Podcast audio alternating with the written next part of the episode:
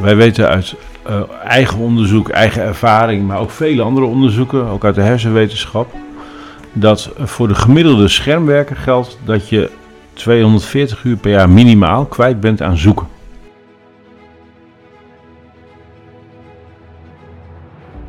Die, die nieuwe generatie, eh, die willen eh, feedback hebben, die willen leren, die willen gezien worden, die willen gehoord worden, die, die doen niet aan bullshit. Je raakt ze kwijt. Die, dus, dus de verhoudingen op de arbeidsmarkt gaan compleet veranderen. En het lijkt erop dat de instituties dat nog niet doorhebben.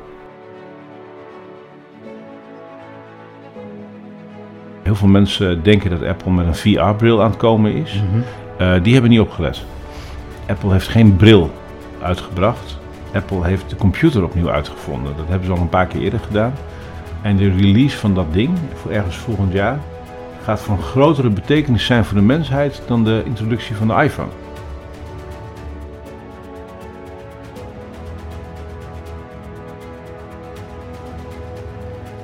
In deze aflevering mag ik Martijn Aslander interviewen. Martijn is een Nederlandse trendwatcher, een veelgevraagd spreker en auteur op het gebied van de netwerk- en informatiesamenleving. In één uur tijd praten we hierbij over de toekomst van het werk van de kenniswerkers, waartoe iedereen wordt gerekend die meer dan vijf uur van zijn werkdag achter een beeldscherm doorbrengt. En dit zijn er ongeveer 5 miljoen in Nederland. We bespreken hierbij de evolutie van onze werkplekken, het gebruik van ons mailverkeer en hoe technologische vooruitgang onze communicatiehulpmiddelen verandert. Daarnaast verkennen we de uitdagingen waarmee managers worden geconfronteerd in deze dynamische omgeving en bieden we inzichten in effectief leiderschap in een tijdperk van verandering. Wat betreft wat ons nog te wachten staat, nemen we de nieuwste trends en opkomende technologieën onder de loep, zodat je voorbereid bent op de volgende golf van veranderingen. Veel luisterplezier bij aflevering 39 van de Gouden Graal podcast met Martijn Aslander. I. I'm so strong. The legacy. I'm so fun. I feel like an energy is going. Martijn Aslander is een Nederlandse spreker en auteur van onder andere het boek Ons werk is stuk. Hij staat bekend als een expert op het gebied van informatiemanagement, nieuwe technologieën en de impact daarvan op de samenleving en het bedrijfsleven. Nou, ten eerste Martijn, bedankt voor het accepteren van de uitnodiging en dat ik eh, weer aan een andere keukentafel eh, plaats mag nemen hier in, eh, in Haarlem deze keer. En als eerste vraag, om makkelijk te beginnen, welke app heb je als laatste op je telefoon gedownload? Dat is een goede vraag. Dat, dat gebeurt zo vaak. En, en dank je wel dat ik de gast mag zijn. Dat ik dat even moet opzoeken. Door in mijn recente aankoopgeschiedenis op mijn iPhone te kijken. Wat heb ik als laatste? Oh, ik weet het. Eh, de social app van Niantic. Oké, en waarin verschilt die van de andere social Ehm, apps? het is eh, eh, op 16 juli eh, 2014 eh, ben ik begonnen met het spelen van Pokémon Go. Ja, Eh, de augmented reality app waarbij je de wereld overstruint Mhm. om niet bestaande monsters te vangen. Daar hebben ze heel lang, eh, eh, for good reasons, eh, ervoor gezorgd dat, dat je in het spel niet kon communiceren met anderen. Mhm. Waarschijnlijk om de jeugd te beschermen voor allerlei toestanden en, en terecht. En ze hebben, de, de spelers hebben allerlei andere wegen gevonden om contact met elkaar te krijgen via andere apps. Toen heeft Niantic, het moederbedrijf achter Pokémon, gezegd... Ja, eh, we gaan het even makkelijker maken om contact te maken. Dus dat mag alleen boven de 18 plus. Mhm. Eh, en nou, is een hele handige app om contact te maken met Pokémon Go-spelers over de hele wereld. oké. En eh, eh, ja, het werkt. Dan kun je samen afspreken welk eh, niet bestaande monster je nu Mhm. nou weer Mhm. gezamenlijk wil verslaan. Oké. En, het is een aardige app. Het is geen halszaak, maar Nee. het is de laatste. Het is de laatste. Dat, Nou, dat vroeg je, ja. Dat was ook de vraag, dus duidelijk. Ja. Eh, dan gaan we verder met je goed vinden eh, dat ik je een aantal dilemma's ga eh, voorleggen. Ja, ik heb er zes uitgekozen. Degene waar je het langst over na moet denken, die mag je nog een keer toelichten. oké. Om het wel leuk te maken. Daarna gaan we, om de luisteraars een beetje een idee te geven welke kant we op gaan in deze podcast, gaan we het nog hebben over kunstmatige intelligentie. Onder andere chat, GTP. De toekomst van het werk, waar ook je, je boek eh, over, eh, over gaat, wat hier eh, voor ons ligt. Ik wil het nog hebben over de mailcultuur. En tenslotte gaan we ook nog over fitheid praten. Ja, En dan in een wat andere context, als dat we dat meestal eh, gebruikelijk bedoelen. ja. Dat is een soort cliffhanger dat de luisteraars tot het eind blijven luisteren, zeg maar. Ja, we gaan er wat moois van maken. We gaan er wat moois van maken. Het eerste dilemma. De bedenker van de notificaties bij de diverse apps moet een standbeeld krijgen. Of had met pek en veren uit Silicon Valley Standbeeld. moeten worden. Standbeeld. Duidelijk. Korte bedenktijd. ICT verschuilt zich in vele organisaties achter moeilijke woorden en vakjargon. Maar hebben er eigenlijk een bord spaghetti met aan elkaar geknoopte systemen van gemaakt. Mee eens of niet Eens. mee eens? Nummer 3. Heeft corona een positieve of een negatieve invloed op onze kenniscultuur gehad? Beide. En welk heeft toch een licht voordeel? Geen. Zou mooi zijn om die uh, was toe te lichten straks. Gaan we bekijken. hey, ik, dacht, ik had er niet het langst over Nee, dat nagedacht. maar- de afspraak was, jij, nu doe je dat jij er het langst over na moest Maar je hebt ook niet gekozen, dus Ja, ja oké, fair Oké, enough. oké, oké. Multitasken of langere tijd ongestoord in een flow werken. Beide. De grootste veranderingen op het gebied van technologische ontwikkelingen hebben we de afgelopen 50 jaar wel gehad. En vanaf heden zullen de veranderingen niet meer zo revolutionair zijn. Extreem oneens. Die had ik al een beetje verwacht. Zal er in de toekomst een tweedeling in de maatschappij ontstaan met een grotere groep mensen die niet meer mee kunnen op het gebied van de veranderde technologieën? Is dat aannemelijk of niet? Dat is niet ondenkbaar. Nou, dat is een lekker lijstje. Het zijn ook dilemma's, hè? Ja. Het zijn ook die dilemma's. hè. Nou, die laatste, daar moest je wat langs over nadenken. Of er een tweedeling in de maatschappij in de toekomst zal ontstaan, of misschien is jouw ervaring wel dat hier al wat is, als de technologie steeds grotere stappen voorwaarts neemt.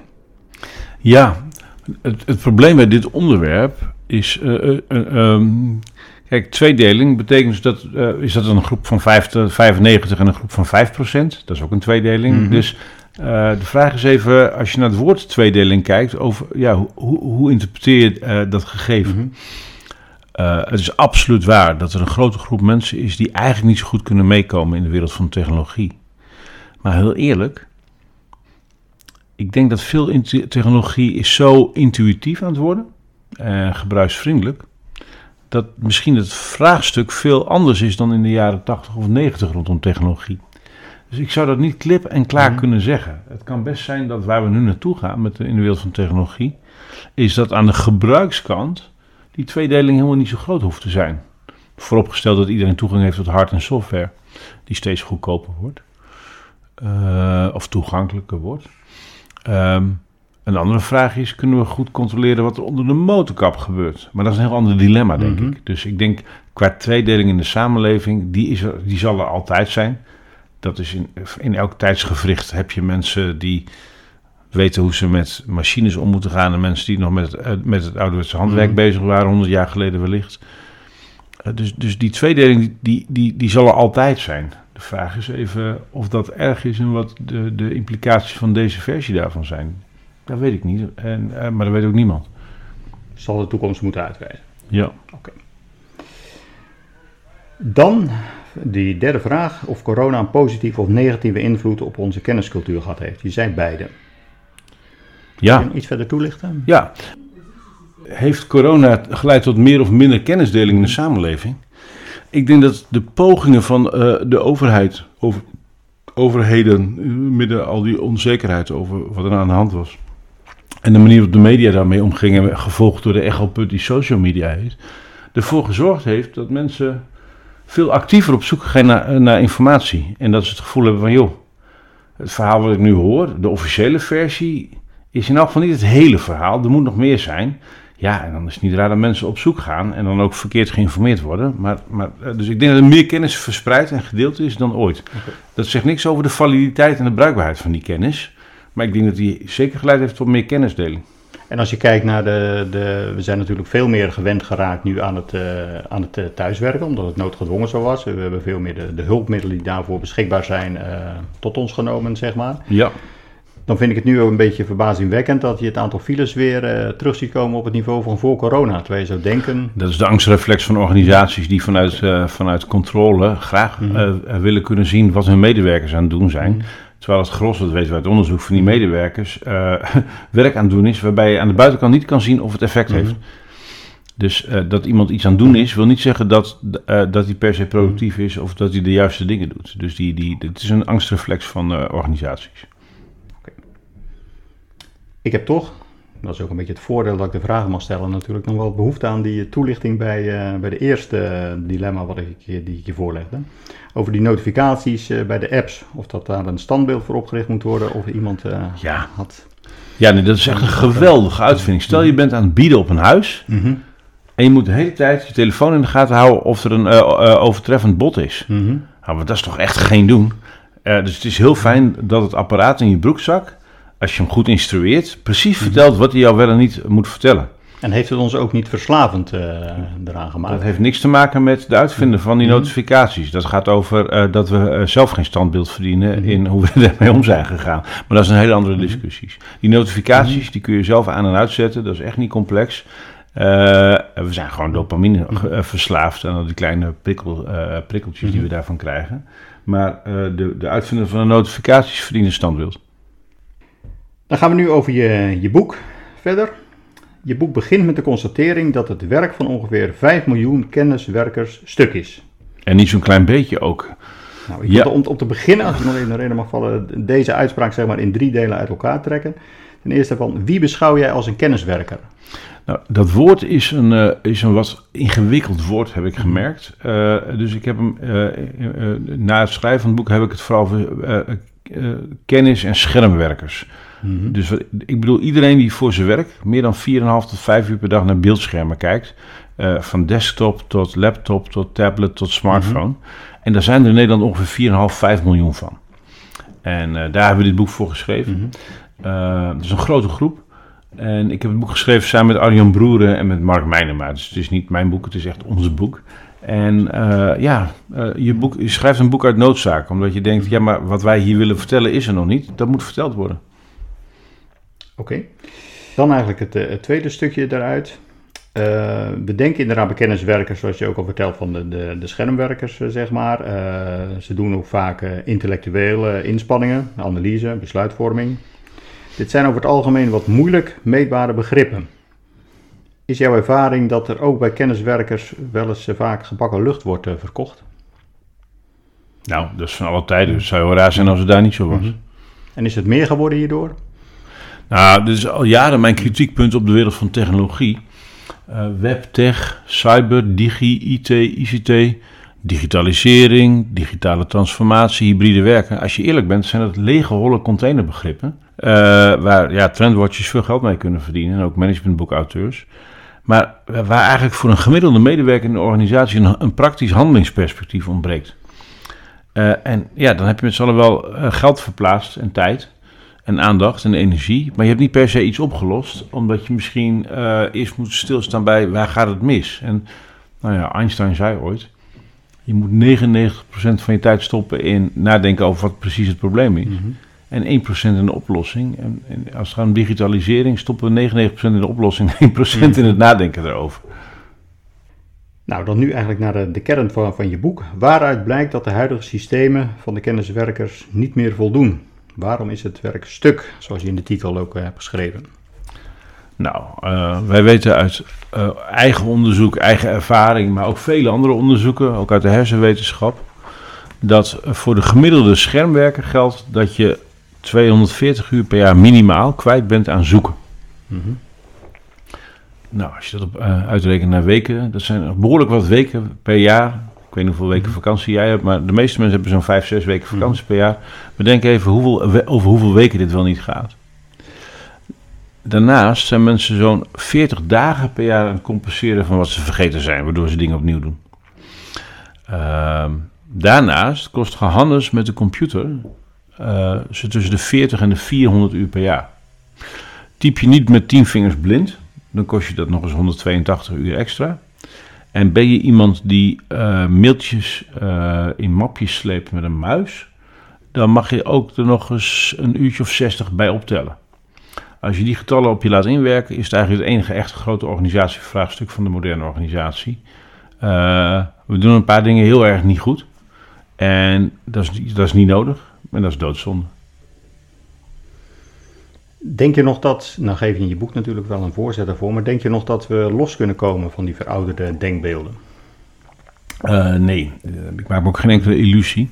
Uh, dit is voor mij de hoofdreden dat mensen hiërarchische vluchteling worden. De andere mensen noemen ze ZZP'ers, maar als je goed naar de cijfers kijkt, de meeste ZZP'ers zijn hiërarchische vluchtelingen.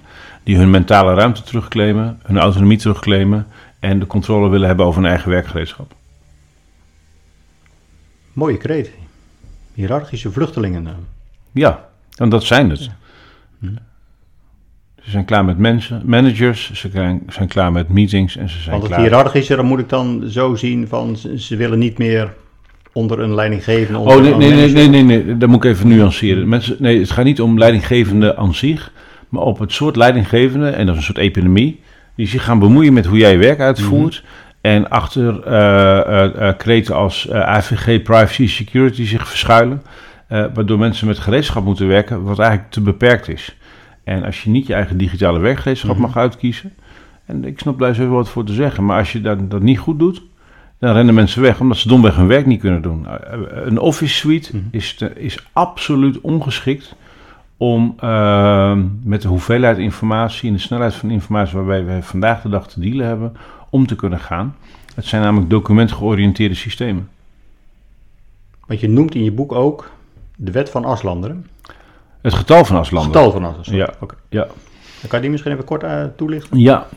Um, als je wakker, van het moment van wakker worden tot het moment van slapen gaan, ben je op allerlei manieren informatie aan het processen. Een deel is van je werk, maar een deel is ook voor je werk. Dus er komt persoonlijke en professionele informatie op je af. Stel dat jij in, je, in de trein onderweg naar je werk een boek leest. Dat boek lees je misschien om persoonlijke redenen, maar misschien lees je het ook om uh, vanuit een carrière motief. Hè, dat je denkt, ik moet me, me, blijven informeren, zodat ik kan blijven functioneren in mijn werk. En misschien lees je in dat boek wel iets waar je volgende week iets aan hebt bij een brainstorm of een workshop op je werk. Die informatie die wil je ergens bewaren. Is die van jou of van je baas? Uh, uh, maak dan uit wie dat boek betaald heeft. Of in welke mm. tijd je het gelezen hebt. Of, of, op welk moment je het hebt opgeschreven. En op welk apparaat. Nou, dat is een mooi voorbeeld. Uh, dus je bent op de door de hele dag heen. Van, van s ochtends vroeg tot avond laat informatiebrokjes aan het vergaren. Met dat informatiekapitaal ben jij van waarde voor anderen. Even terug naar je vraag. Je, je vraag was. Uh, oh ja, het getal van Aslander. Oké. Okay. De, de vraag, want het gaat over waar mag je die spullen opslaan. Hoeveel procent van alle informatie die je overdag langs krijgt, mag absoluut never nooit naar buiten lekken? Want dat is een risico voor organisaties en daar is iets met wet en regelgeving en compliance en zo. Mijn inschatting is dat voor het gro grootste deel van de schermwerkers is tussen de 8 en de 12 procent van de informatie die je overdag langs krijgt, moet echt daadwerkelijk beveiligd worden. Maar wat werkgevers doen uit onwetendheid en onmacht en angst, is 100% proberen op slot te zetten. Dat is alsof je alle informatie in de kluis bewaart.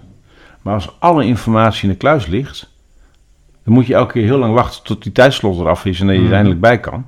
Dus de zucht naar beveiligen en privacy vooral beveiliging, leidt tot onveilige situaties. Omdat mensen eromheen gaan werken, de kluis open laten staan, doen alsof je op slot zit, eigen systemen gaan gebruiken.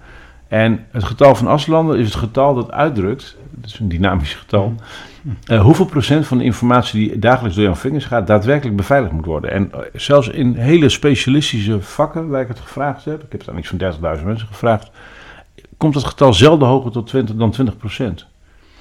En dat is heel raar. Ik, ik- mijn, mijn stelling is dat de meeste eh, eh, eh, schermwerkers eigenlijk hun werk niet zo goed kunnen doen. eh, omdat de eh, ICT-systemen eh, zoveel frictie opleveren dat de slagkracht en de schakelsnelheid eh, eh, extreem is afgenomen. Het is voor mij alvast eh, heel eh, herkenbaar uit mijn, eh, mijn werkzame leven eh, tot op heden. eh. Je noemt daarnaast in je boek dat we lijden aan eh, informatie-obesitas. Ja. Kun je dat begrip nog wat eh, kort uitleggen en er een voorbeeldje van, eh, van geven? Nou ja, eh, de, de, de wetenschap en de, de instituties en de pers heeft de, mond vol over eh, mediawijsheid en digitale geletterdheid. Maar als je goed kijkt naar wat ze daarmee bedoelen, dan hebben ze het zelden over het vermogen om te kunnen omgaan met informatie. Dus, je, dus er zit in dat curriculum wel van alles over mediawijsheid en het kunnen herkennen van fake news. Maar nergens wordt ons geleerd om om te gaan met de enorme hoeveelheid informatie die de hele tijd op ons afkomt. Of die er gegenereerd wordt, of die we zelf genereren. Waar laat je die handel? Een groot deel van de mensen mailt dingen aan zichzelf. Dat is een symptoom van een probleem waarvan je nog niet eens wist dat je het had. We hebben domweg geen goede bewaarplek voor onze eigen informatiekapitaal. Niemand heeft ons dat ooit geleerd. Dus mijn stelling is, je hebt niet zoveel aan digitale geletterdheid als we niet beginnen met informatiegeletterdheid. En die is bijna nergens op orde, omdat dat eh, vak is onderbelicht geweest altijd. Dus een van mijn missies is het op de kaart zetten van het belang van informatiekapitaal, informatiegeletterdheid en informatieliquiditeit. En hoe ga je daar zelf mee, mee om? Ik bedoel, eh, ik kijk hier nu uit op een hele grote boekenkast. Eh, Daarnaast liggen er ook nog een eh, aantal grote stapels eh, hier op, de, op je eettafel aan boeken eh, nog te lezen. Daarnaast heb je je telefoon, eh, je, je tablet daarvoor. Dus jij krijgt ook een heleboel informatie tot je de hele dag. Waarschijnlijk nog veel meer dan andere mensen, ja. En hoe ga je daarmee om om er toch te denken en elke keer die linkjes te maken van oké, dit kan later nog een keer voor een mogelijk boek Om- of voor omdat een ik- spreekbeurt. Omdat ik getraind ben Mhm. op het gebied van informatiegeletterdheid. Daarom hebben we dit boek ook geschreven. Dus ik heb mezelf afgelopen 30 jaar geleerd hoe ik informatie niet alleen kan vangen, kan opslaan, maar ook kan terugvinden, kan ordenen, herordenen, filteren, sorteren, metadateren, met elkaar kan verbinden, publiceren en delen. Dus de skills die ik heb ontwikkeld, spelenderwijs, naar, met heel veel experts erbij en boeken. Ik heb geleerd, en met mij velen, om mijn informatiebrokjes om te zetten in informatiekapitaal. Ervoor te zorgen dat ik rente krijg op mijn informatiekapitaal, want daarmee maak ik het verschil. En vooral hoe ik dat informatiekapitaal liquide maak. Want eh, jij, jij kunt wel meer informatie hebben dan ik en betere informatie. Maar als jij er niet een paar seconden bij kan op een telefoon, in een beslissend moment, ja, dan, dan heb je toch het nakijken. Dus dat kun je leren. En er is een mooi boek over verschenen. Ik, ik mocht daar een flaptekst voor maken. Dat heet eh, Building a Second Brain. Dat is in het Nederlands eh, uitgebracht afgelopen jaar van Thiago Forte. Die hebben we ook laatst geïnterviewd. Eh, veel luisteraars kennen misschien het boek Getting Things Done van eh, eh, David Allen, waar ik ooit Ja. het voorwoord van geschreven heb. Ik heb Mhm. het boek naar Nederland gehaald. Met Taco Oosterkamp in 2007 of zo. En dit is het grote nieuwe ding in dat spectrum. Waar David Allen vertelde dat je dingen strategisch moet uitstellen tot het beste moment. En hoe je dus dingen gedaan krijgt. Eh, heeft Thiago een briljant boek geschreven over waar laat je je informatie en hoe kun je dat gebruiken om creatief, creatief te zijn. De achturige werkdag is gebaseerd op de drie ploegendiensten van Henry Ford. Die Ja. hiermee zijn autofabriek 24 uur per dag kon laten doordraaien. Waarom denk jij dat we nog steeds vasthouden aan dit eh, ritme van eh, de lopende band in onze moderne kenniseconomie? Want we zitten nog steeds vaak van 9 tot 5 zijn nog steeds de gangbare Ja. tijden.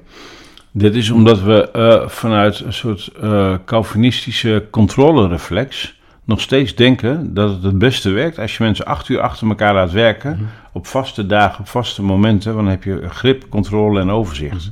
Dat dat in de praktijk niet waar is, vergeten we voor het gemak.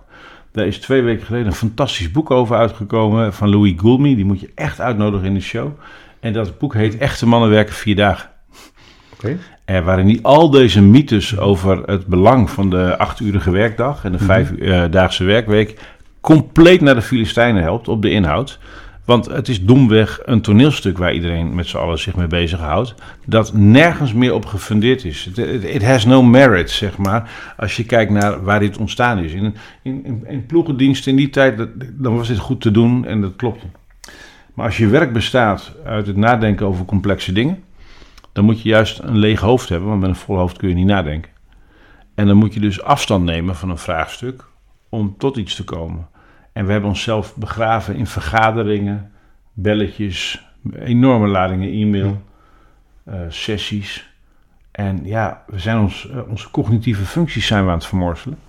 Uh, dus ja, dat acht uur per dag doen is sowieso voor 20% van de mensen een heel slecht idee. Want 20% van de mensen is in de avond op zijn best. Dus die hebben s ochtends niks te zoeken in de auto, in de file of op het werk. Want het lijf is er wel, maar je hebt er geen zak aan en het levert een hoop ellende op. Maar het gekke is dat douchen, in bad liggen, wandelen, naar de sterren of de wolken kijken of slapen vallen niet onder werk. En dit klinkt raar misschien voor de luisteraar. Maar de beste inzichten krijg je als je even afstand neemt en even een change of scenery doet.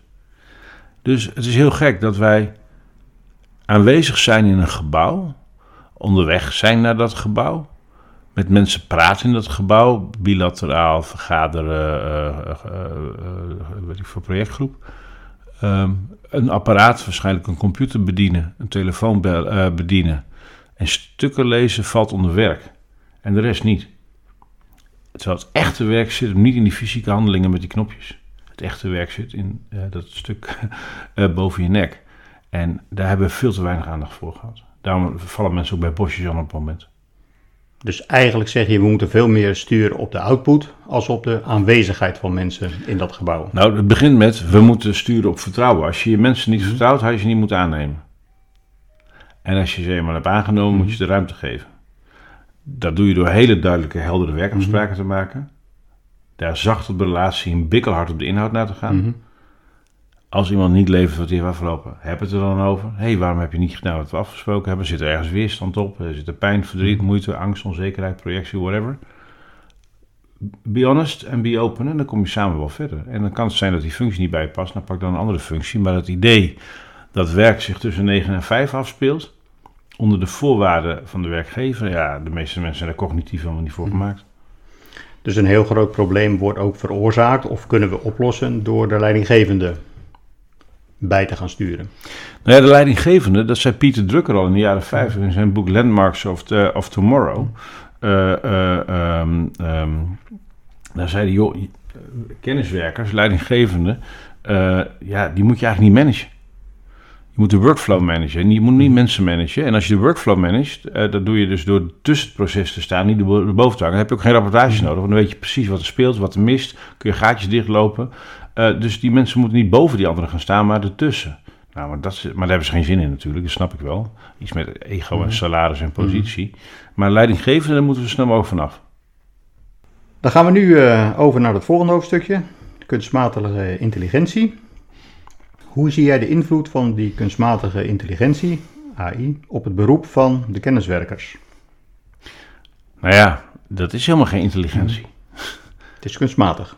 Nee, maar het is ook nee, ja, dat klopt. Maar, het is, uh, uh, deze tafel is ook mm. kunstmatig en deze mm. apparatuur ook. Maar uh, het is absoluut niet intelligent. Intelligentie is namelijk best wel een groot woord. Het impliceert van alles. dat wat we op dit moment AI noemen, of kunstmatige intelligentie, mm. is niks anders dan extreme statistiek. Het is een waarschijnlijkheidsvoorspeller. Punt. Dus er is niks intelligent. Het is wel knap. Mm -hmm. maar knap en intelligent is niet hetzelfde. Mm -hmm. Het is enorm knap. Het is fantastisch om te gebruiken als je weet hoe je het moet hanteren. Maar het heeft met intelligentie helemaal niks van doen.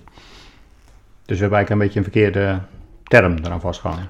Ja, woord. dat krijg je met hypes. Mm -hmm. Als we kijken naar de meest recente ontwikkelingen, en dan denk ik ook bijvoorbeeld aan ChatGTP.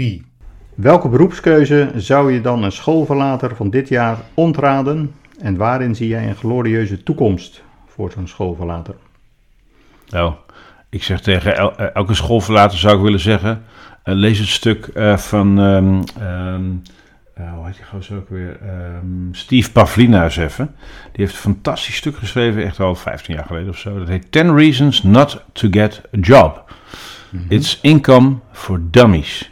You only get paid when you're working. Wouldn't it be a better idea to get paid when you're not working? Daarin zegt hij bijvoorbeeld, de eerste drie maanden zijn de maanden waar je iets nieuws leert. Daarna val je in de routine en dan is het gewoon klaar. Daar wordt er ook niet beter van. Dus hij, heeft, hij zegt, joh, ehm, we leven in een tijdperk dat je op zoveel manieren kan komen aan de resource die je nodig hebt om te willen zijn wie je, wie je wil zijn. Te kunnen worden wie je wil worden. En om dat te krijgen wat je nodig hebt, dat eh, het, het single track van de vaste baan of een specifieke functie is niet eh, per se de meest logische way to go. Want als je duurzaam inzetbaar wil zijn en je wil eh, mobiel blijven op die arbeidsmarkt, ready for anything, ja, dan moet je vooral aan je, aan je sociale skills gaan werken. eh, aan je netwerk, je, dus aan je sociale kapitaal en je informatiekapitaal. Dus het laatste wat ik iemand een schoolverlater zou adviseren is te gaan voor een baan. Oké. Verwacht je ook een herwaardering in financiële beloningen van mensen die werken met hun handen? Want bijvoorbeeld schoonmakers, loodgieters, ehm, die staan nu zeg maar. Ja, het is wat Jan Terlouw al zei in de Koning van Katoren. Dat is een heel hoofdstuk. Dat, eh, dat er in één dorp was waar de, de draken Smaug geloof ik woonde of zo. Nee, dat is de Hobbit. Eh eh, en er was een hoofdstuk in dat, de, dat de, de vuilnismannen in dat hoofdstuk... die werden beter betaald dan de burgemeester. Eh, eh, eh, want die deden het werk wat niemand wilde doen. Dus ja, ehm, Mhm. Ik denk dat, dat we zeker naar een herwaardering gaan. Zeker een financiële compensatie voor dat soort werk. Dus eh, voor mij mogen schoonmakers, eh, iedereen die aan, elk beroep waar aandacht is, of werken met je handen, mag echt wel veel meer geld krijgen. En eh, ja, er zijn te veel mensen die lucht verplaatsen en te veel betaald worden. Dus dat mag voor mij wel minder. Standaardiseerbaar werk, kenniswerk, is ook makkelijk verplaatsbaar naar de lage lonenlanden. Oeh. Nou, kijk, alles wat je kunt voorspellen kun je door een machine laten doen. Eh, maar wat je niet kan doen is die, die, die, die menselijke touch. Dus eh, wat ze nu AI noemen, ja, ChatGPT kan van alles maken, maar er moet uiteindelijk nog een mens naar kijken om te, om te checken, klopt het wel? Does it make sense? Want eh, ze kunnen er heel goed naast zitten. Dus je hebt een human eye nodig, een, een, een menselijke curatie, Mhm. een menselijke curator, die zegt ja, hier mag je van uitgaan, wat mij betreft. En dan hebben we geen vertrouwen in de IT of in ChatGPT Mhm. of over in AI. We hebben vertrouwen in de mens die zegt ja, I vouch for this. Ik, eh, ik, ik dit Maar, maar gaan die ontwikkelingen niet, niet steeds verder en worden die systemen niet steeds beter gemaakt ook? Ja, maar nog steeds kun je dan niet met zekerheid zeggen dat iets waar is of niet waar is, of klopt of niet klopt. Oké, diezelfde discussie kan je natuurlijk hebben als mensen iets verkondigen. Dat klopt, maar die mensen die zijn aanspreekbaar en die technologie niet. Er zullen nieuwe medewerkers nodig zijn om deze nieuwe toepassingen gebruiksklaar eh, te maken. Eh, zal dat per saldo opwegen tegen het eh, verlies van banen? Nou, tot nu toe lijkt erop dat de hype van het verlies van banen rondom AI zwaar overtrokken is. Er zullen heus in wat niches wat mensen flink onder druk komen te staan. In de praktijk betekent vooral dat een deel van de taken die we uitvoeren, dat we daarvan afgaan. En in die krappe wordende arbeidsmarkt, eh, en zeker als je kijkt naar de demografische ontwikkelingen, lijkt me dat een goede zaak. Werkgerelateerde stress is volksvijand nummer 1 aan het worden. Vind je dat we hier nog voldoende aandacht aan besteden? Of zou dat nog veel meer kunnen? Nou, we besteden geen, eh, eh, geen aandacht eh, aan de oorzaken daarvan. Dus we zijn vooral bezig met symptoombestrijding. Eh, maar niet met nadenken over waar is het eigenlijk misgegaan. En mijn, een van mijn stellingen is dat we het niet kunnen omgaan met digitale middelen.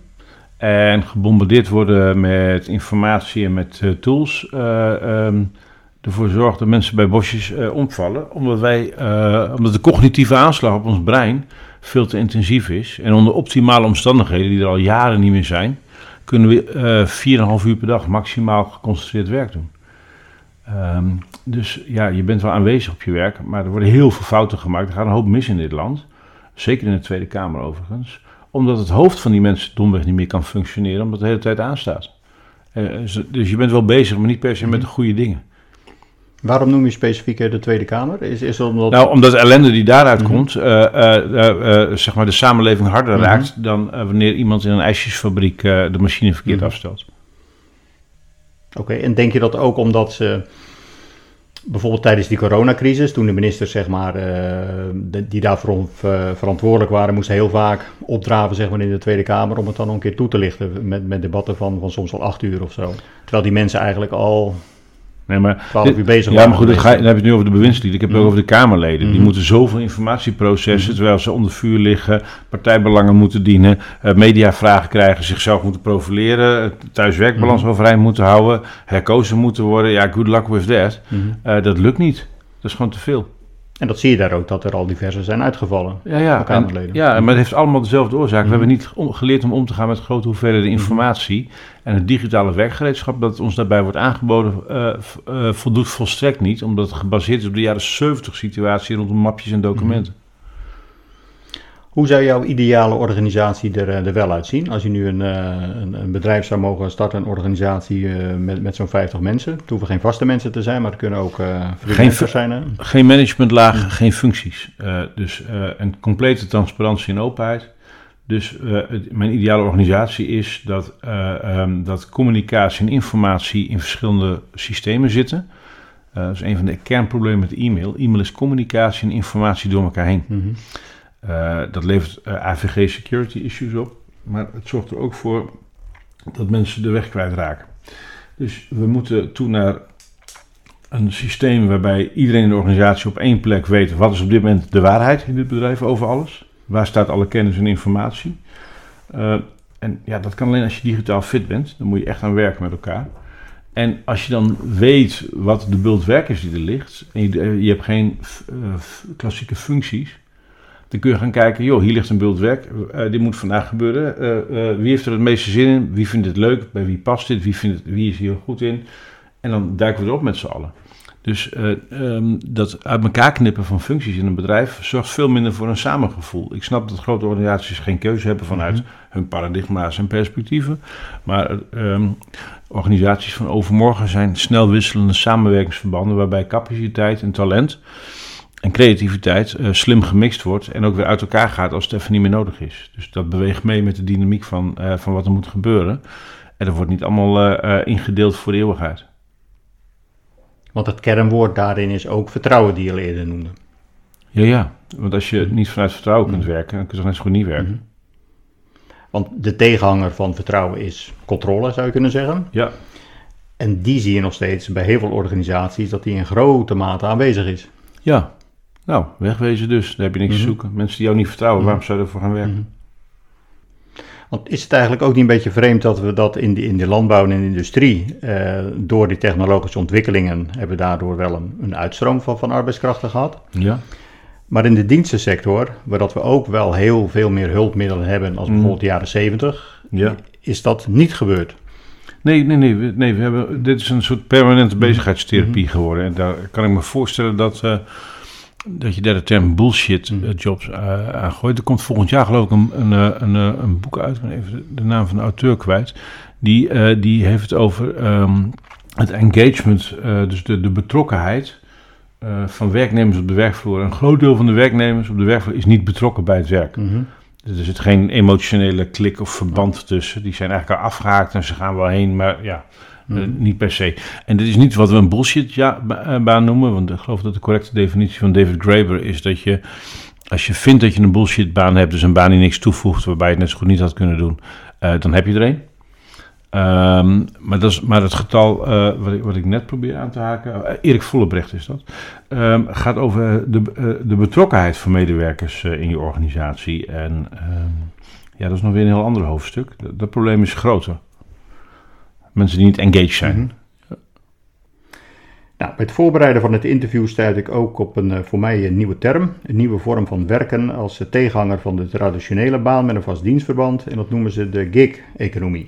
Ja, oh, die term ken ik, de gig. Ja, dat betekent dat je de klusjes doet. Mhm. En ehm, ik had dat, we hebben- kijken daar met een beetje dédain naar van ja, dan sprokkel je een beetje je inkomen bij elkaar. Mhm. Dat zijn die arme loonslaven, of al die mensen die allemaal uitgebuit worden door het kapitalistische systeem. Maar ik ken toch echt een, a- een groot aantal voorbeelden van jonge mensen. Eén heeft eh, rugklachten. Die zegt, als ik pijn heb, wil ik even niet werken. Maar als mijn rug het doet, wil ik juist heel veel klusjes doen en springen op de fiets. Mhm. In die gig-economie kunnen jonge mensen gewoon hun eh, telefoon aanzetten. Ik ben nu beschikbaar, waar is werk wat, ik, wat bij mij past, wat ik leuk vind.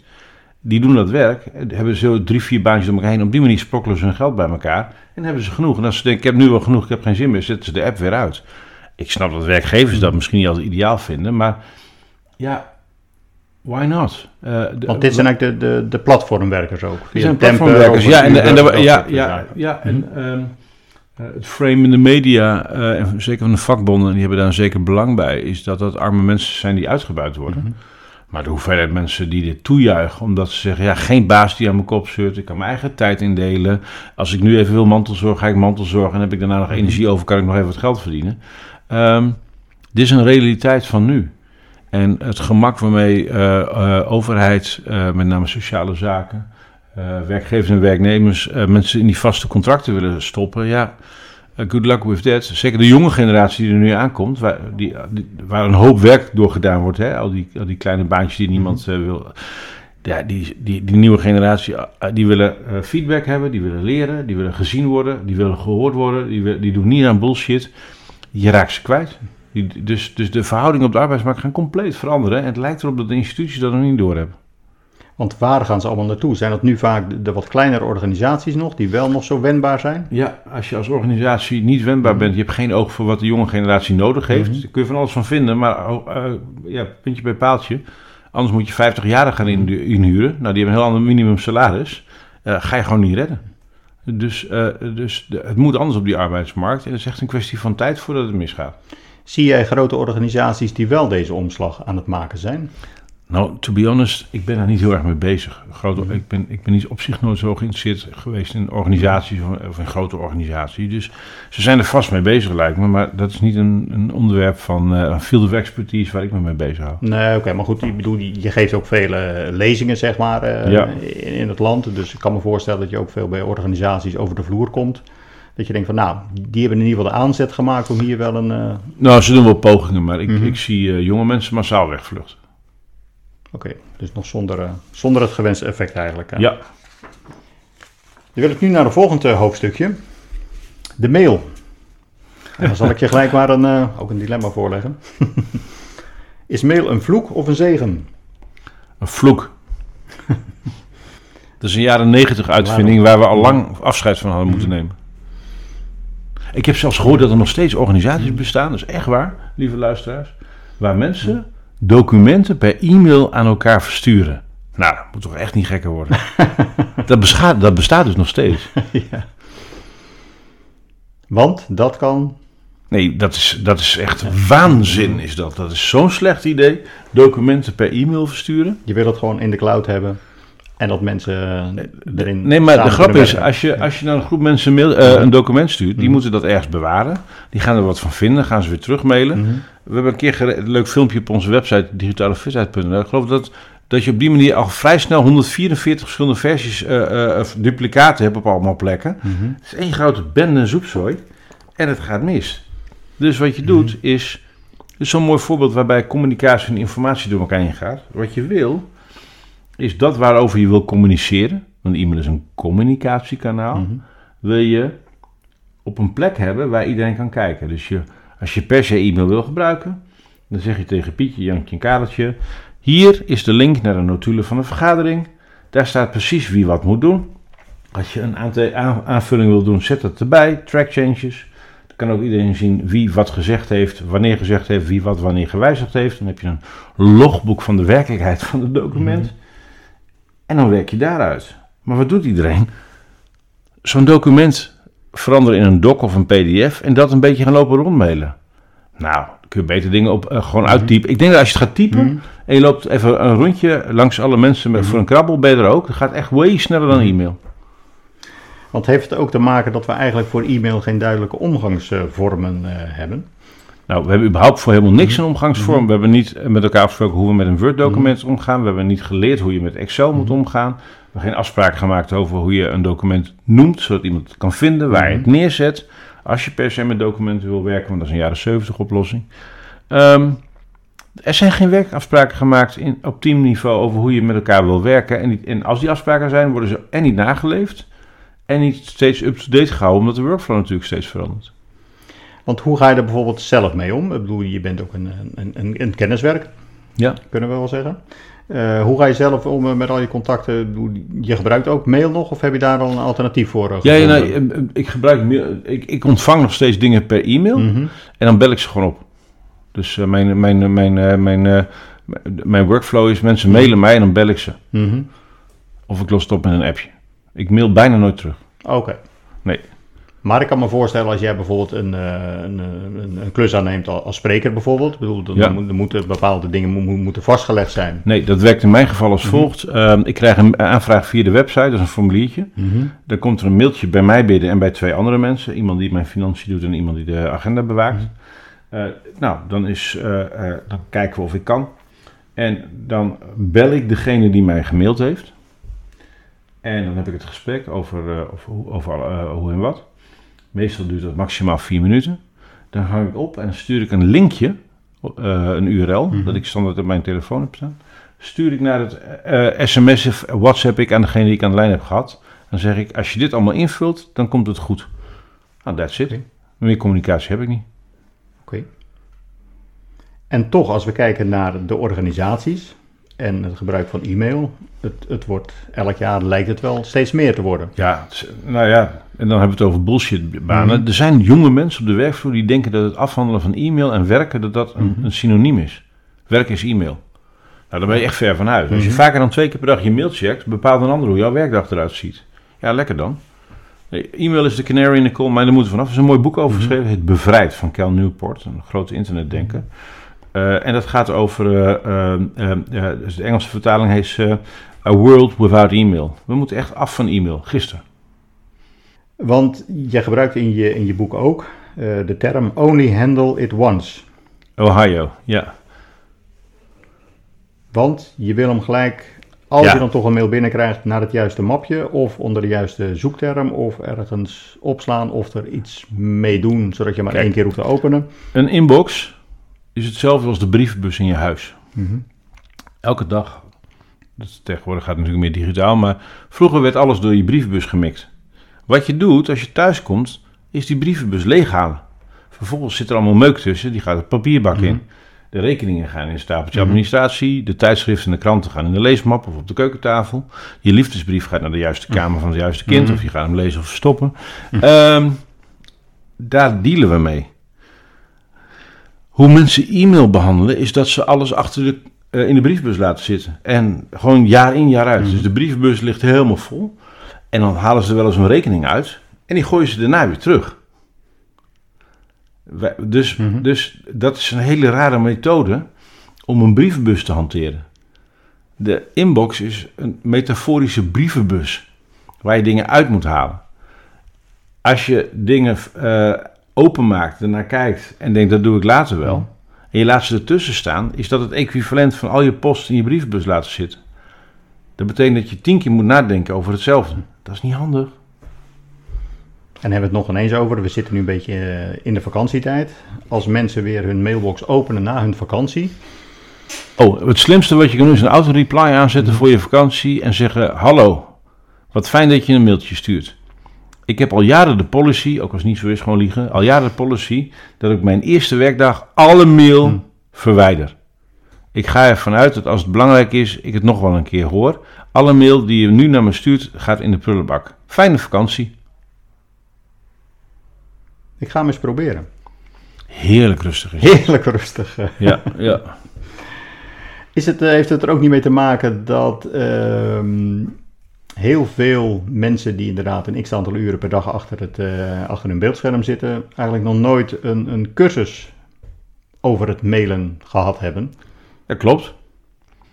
En dat komt omdat HR-mensen, die normaal de opleiding moeten verzorgen en de ontwikkeling van de medewerkers, die zijn veel meer met de mensgerichte dingen bezig en die houden niet van knopjes. Dus het laatste wat een HR-medewerker die bezig met leren en ontwikkelen eh, gaat doen, is mensen aanbevelen om iets te gaan leren over knopjes. En dat snappen ze zelf ook niet zo goed. Want zouden aan de andere kant ook niet veel mensen zeggen, ja, mailenprogramma hoef je mij niet, eh, niet, niet uit te leggen, Ja, want dat- eh, dat- heb, dat ik heb privé ook al. Dus. Ja, dat zeggen ze. En ik sta elke dag voor volle zalen. Ik heb inmiddels zeker honderdduizend mensen hierover gesproken. Het is een puinhoop. Zelfs bij de mensen die denken dat ze het goed kunnen. Ik had laatst een congres voor functioneel beheerders.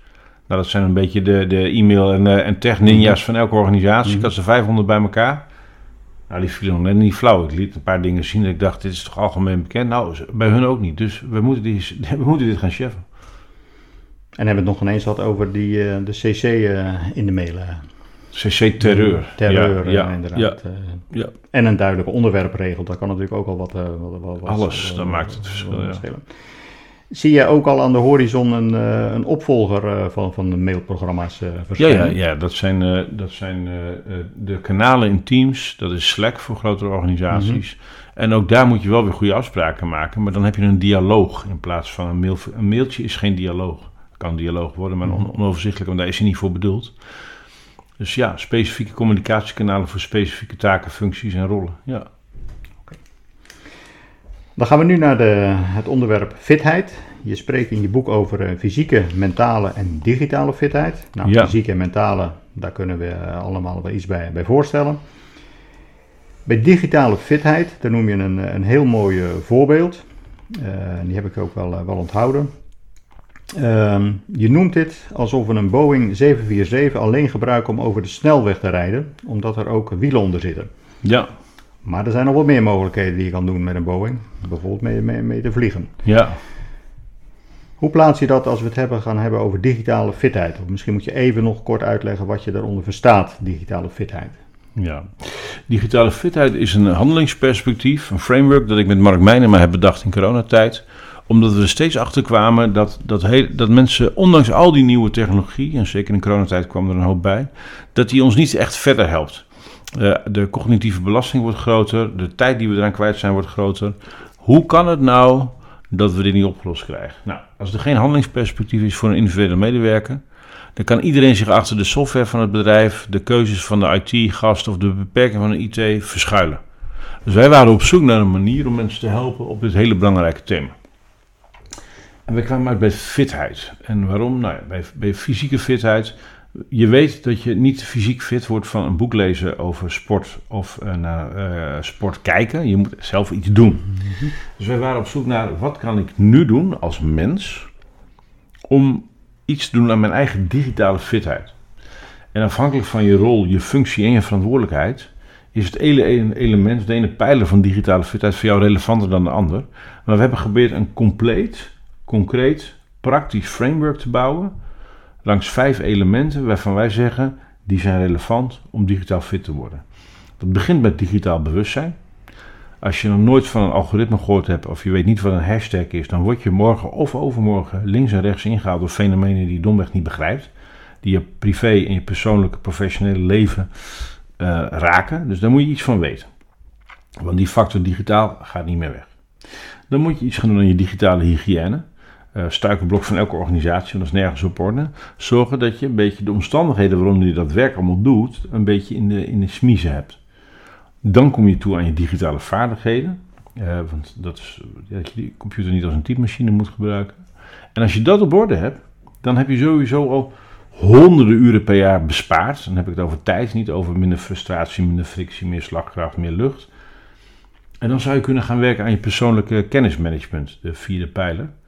En dat gaat over hoe ga je om met je informatiekapitaal. Want uiteindelijk ben je een informatiewerker die brokjes informatie moet combineren op de goede plek moet zien te krijgen. Om dingen op te lossen, in beweging te krijgen, draaiende te houden, whatever. Dus die is cruciaal. En als je die allemaal op orde hebt, kun je het ook nog gebruiken voor de vijfde pijler, de one more thing. En dat is dat je technologie gebruikt voor je eigen ontwikkeling en groei. En als je dat een beetje op orde hebt, ja, dan, word je, dan hou je echt maanden van het jaar over voor self-care, mantelzorg, ontspanning, je eigen ontwikkeling, whatever.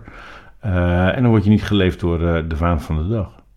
Dat hebben we gemaakt in coronatijd. Heel succesvol. Uh, samen met de Rijksoverheid hebben we de maand van de digitale fitheid. Elk jaar in maart van 1 tot 31 maart. Afgelopen jaar deden er 300.000 mensen mee. Mm-hmm. We hebben een platform wat vrij toegankelijk is. Het is een non-profit. We hebben boeken uitgebracht, lesmateriaal. Een community met een paar duizend man. Meetups elke maand in Utrecht. Uh, er komt een nieuwe documentaire aan. Dus wij zijn volop het orgel aan te rammen om uh, dit onderwerp uh, ja, tussen de oren van de mensen te krijgen.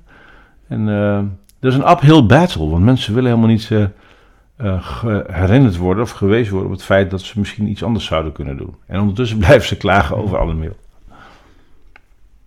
Maar je merkt wel dus dat er een steeds grotere belangstelling voor, voor Ja, komt. absoluut. Ja, omdat we tot nu toe op de verkeerde plek gezocht hebben om de problemen waar iedereen last van heeft aan te pakken. Mm-hmm. Het blijkt namelijk dat slagkracht en innovatie en werkgeluk en werkplezier en uitval, dat dat samenhangt met wat wij hebben waargenomen in ons boek. Want alles staat met elkaar in verhouding weer. Ja, en die holistische Mhm. kijk, die was het nog niet eerder.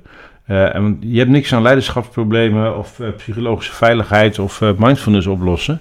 Eh, als je mensen blijft bombarderen met informatie en niet leert hoe ze daarmee om moeten gaan. Oké, maar je herkent wel mensen die, zeg maar, even de vorige vraag dan, digitaal fit zijn? Nou ja, de grap is, op het moment dat je digitaal fit bent, kun je meer van waarde zijn voor een ander en ben je daarmee effectiever. En of je daar behoefte aan hebt, ja, dat is niet aan mij. Mhm. Dus, dus je kunt het niet, het is, het is hoogst persoonlijk. Want eh, wat voor de een prima werkt, is voor de ander een ramp. Het is een heel persoonlijke approach.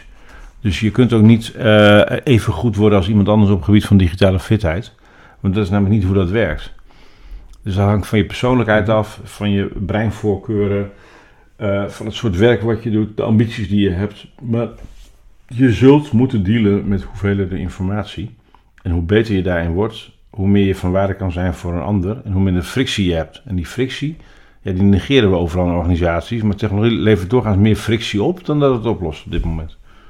En waarom denk je dat dit toch niet veel hoger op de agenda staat bij de, bij de organisaties? Omdat management hier geen zin in heeft, dan, zijn ze, eh, dan wordt het een beetje zichtbaarder wat ze wel en niet doen en dan zijn ze meer accountable voor, eh, voor wat ze doen. En de- daar houden managers vaak niet van.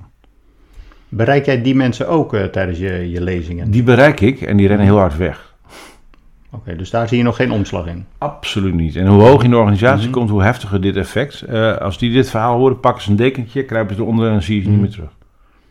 Maar dat betekent dat dat zal een grote remmende factor gaan worden. Want als de top van een Dat is al organisatie... ja, nee, maar de, de top van de organisatie is al jaren de remmende factor Mhm. op dit onderwerp. Eh, tot nu toe kon je verschuilen achter die containerbegrippen. En kon je verschuilen achter AVG, privacy en security. Wat wij aan het doen zijn, is bottom-up die emancipatie op die werkvloer fixen. Zodat individuen die wij kunnen helpen, hier handiger in worden. En als heel veel dat zijn, heb je als manager een- eh, heb je, ja, moet je, heb je echt wat te doen. Want anders lopen die medewerkers weg. Eh, ja, Of of, val je, eh, of eh, krijg je het als manager Mhm. best wel druk. Want dan moet je aan de bak. Mhm. Oké, dus je wil dat bottom-up weer het gewoon eigenlijk bereiken. Ja, maar dat werkt, dan kun je namelijk niet stoppen. Mhm. Duidelijk. hè. Welke rol spelen routines en gewoonten binnen productiviteit? Nou, alles. Kijk, ehm, het grootste deel van wat we doen qua werk doen we met ons brein. En natuurlijk met je hart en met je buik en met je handen en zo. Maar even, ons, ons brein speelt daar een grote rol in. En ons brein is de grootste consument van energie in ons lijf. Dus een kwart van alle calorieën verstook je met je brein. Dat betekent dat je heel goed moet nadenken over waar je die schaarse breinenergie aan uitgeeft. Nou, als je dingen uit eh, eh, routine doet, betekent dat het uit je spiergeheugen komt, uit je ruggenmerg. Eh, vergelijk het met autorijden. Als je een tijdje je rijbewijs hebt, dan sta je helemaal niet stil bij hoe je schakelt en stuurt. Dat gaat automatisch. Maar goed, ook anders kwamen er ongelukken. Dus routines kun je aanleren, dat kost een tijdje. Maar als je bewust bezig bent met het aanleren van routines, dan gaan heel veel, heel veel denkwerk, hoeft niet meer bewust. Dan ga je in dat onbewuste brein, waar je geloof ik Shanike Hertogs ook over had hè, in, je, in je podcast. Ehm, en als je dingen aan dat systeem van je lijf en geest durft over te laten of kunt overlaten, dan heb je veel meer energie over voor de dingen die wel energie kosten. Dus routines en gewoontes zijn eh voorwaarden scheppend om eh, ja, goed te kunnen functioneren. Oké, want inderdaad, Sinike Hertogs, eh, die eh, te gast was in een van mijn eerdere afleveringen, die heeft natuurlijk ook eh, het definitie, of het sorry, defensiemechanisme ge- gebruikt zij ook. Ja, Daar moeten we eerst doorheen komen om zeg maar iemand, noem het maar even populair gezegd, op andere gedachten te kunnen brengen. ja. Want hoe zorg jij daarvoor, je vertelde net al even, je hebt zeker wel zo'n zo'n 100.000 mensen in, in je zaal tegenover je gehad. Hoe zorg je er toch voor dat een zo groot mogelijk deel van die mensen met je, met je boodschap uiteindelijk aan de slag gaan? Ehm, nou, daar heb ik eh 2500 keer voor op een podium gestaan. Eh, Dat zit met humor, met lucht, met anekdotes, met voorbeelden, heel veel g- interventies, groepsdynamiek. Daar zit, daar zit zoveel aan vast. Dat is, ja, dat is de kunst van het spreken, zeg maar. eh. Maar, maar het gaat er natuurlijk om, ze hebben ook volgens mij wel eens een keer onderzocht, als mensen zeg maar uit een seminar, lezingen lopen, eh, je vraagt ze dan bij de uitgang bij de deur nog, hoeveel dingen kun je nog herinneren hiervan? Dan kunnen ze er dan nog, nog een stuk of vijf noemen. Doe je het een week later, dan zijn het er misschien nog twee. Ja, absoluut. Je leert niks van een lezing van, dat zeg ik ook altijd. Van een lezing van Martijn Aslan, daar leer je helemaal niks van. Mhm. Dus daarvoor moet je er niet naartoe gaan. Wat ik wel kan doen, is een vuurtje aanwakkeren. Of eh, je confronteren met wat andere inzichten en denkbeelden. En ik geef altijd hele rijke show notes aan het eind van een lezing. Dus dan krijg je linkjes. Mhm. En ik zie dat mensen zich massaal op die linkjes storten. Dus als ik een eh, stapel kaartjes bij het podium Mhm. heb neerleggen, dan is het gewoon één grote bende bij het podium na tijd. Want iedereen wil die kaartjes mee naar huis. Mhm. Dat is een indicatie dat ik snel van geprikkeld heb dat ze nieuwsgierig zijn. Ehm, ik hoef ook niet 100% van die mensen te raken. Ze hoeft het ook niet met me eens te zijn, maar daarvoor sta ik daar niet. Wat ik moet doen, is zorgen dat ik de movers en shakers in de club, die 5 à 8% van die mensen die het hard nodig hebben, dat ik die een handje help om dingen te bewegen. En als die vervolgens nog eens 10% of 15% van de mensen meekrijgen, dan heb je de boel al in beweging. Want de meeste mensen, they don't care. Mhm. Nou, voordat we overgaan tot mijn vaste slotvraag, wil ik je vragen: ben ik je nog iets vergeten te vragen? Of wil je nog iets verder kwijt over dit onderwerp? Ehm, nou, we zijn vast van alles vergeten, want dat gaat de hele tijd door. Wat ik leuk vind om te delen is, eh, ik zal die ook in de show notes van deze zetten, is dat ik eh, extreem opgewonden ben, diep gefascineerd ben en niet kan wachten tot eh, de Vision Pro uitkomt van Apple. Heel veel mensen denken dat Apple met een VR-bril aan het komen is. Die hebben niet opgelet. Apple heeft geen bril uitgebracht. Apple heeft de computer opnieuw uitgevonden. Dat hebben ze al een paar keer eerder gedaan. En de release van dat ding, voor ergens volgend jaar, gaat van grotere betekenis zijn voor de mensheid dan de introductie van de iPhone. In welk opzicht? Ze hebben een nieuwe computer uitgevonden zonder toetsenbord, zonder muis en zonder beeldscherm. Hoe vet is dat? Dit noemen ze spatial computing, waardoor je eh, voor je neus wel 30 schermen kan krijgen die je naadloos eh, groter en kleiner maakt, waar de informatie op staat die jij van tevoren bedacht had te willen zien. Dus de snelheid waarmee jij associaties kan leggen. De, eh, het meeste computerwerk op dit moment doen we met onze prefrontale cortex. Eh, dat is het jongste deel van ons brein qua evolutie. Maar ons ruimtelijk visueel geheugen, wat het oudste, grootste stuk van ons brein is, is eh, dat werkt veel beter met eh, layouts en landmarks, indelingen, eh, visuele herkenningspunten. Eh, eh, werken met een computer maakt er bijna geen gebruik van. Dus op het moment dat je zo'n zo'n ding op je hoofd hebt en je hebt onbeperkt zicht veruit en je kunt in se- millisecondes kun je eh, objecten groter en kleiner maken, blokken tekst manipuleren, dupliceren, van links naar rechts schuiven.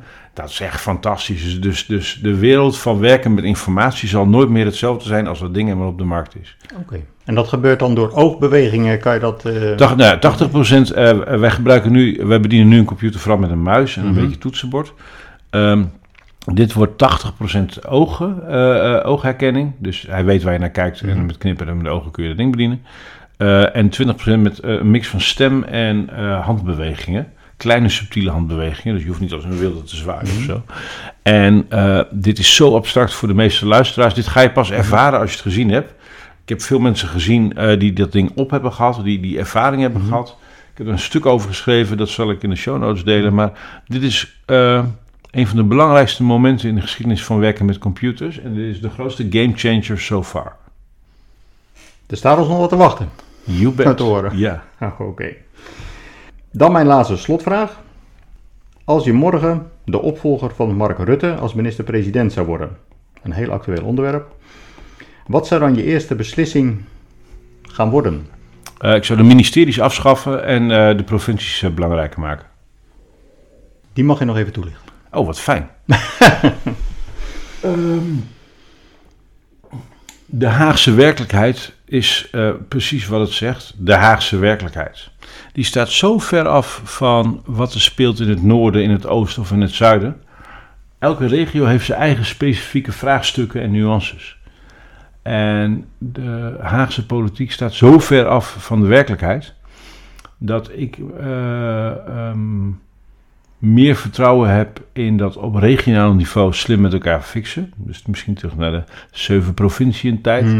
En dat we die bureaucratische eh, mo- moloch beleidsinstituten eh, uit Den Haag gewoon mag je morgen bij het oudvuil zetten van mij.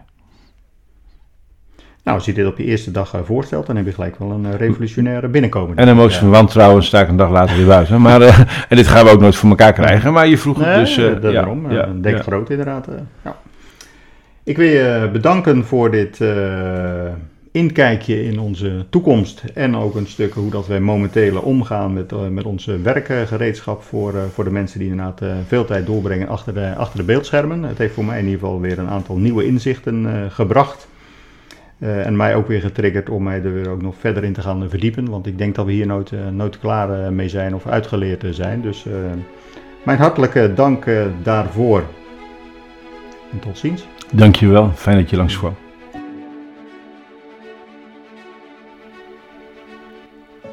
Je hebt geluisterd naar een boeiende en inspirerende aflevering van de Gouden Graal podcast met Martijn Aslander. Waarin we hebben gesproken over de toekomst van ons werk. Hopelijk heb je hier een inzicht opgedaan, perspectieven verbreed en heeft de kijk op de professionele wereld verrijkt. Martijn, hartelijk dank voor het delen van jouw expertise en visie op dit belangrijke onderwerp. Als je in de toekomst op de hoogte wil blijven van de laatste ontwikkelingen op dit boeiende gebied van informatieverwerking en de nieuwste trends, zou ik je zeker adviseren om Martijn te gaan volgen. De links zijn in de show notes opgenomen. Blijf geïnspireerd, blijf groeien en blijf de gouden graal van kennis najagen. Tot de volgende aflevering van de Gouden Graal podcast.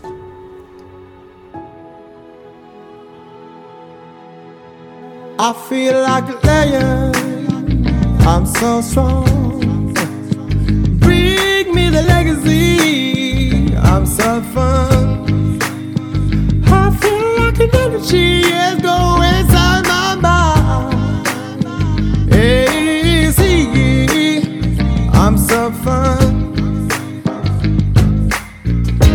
let me breathe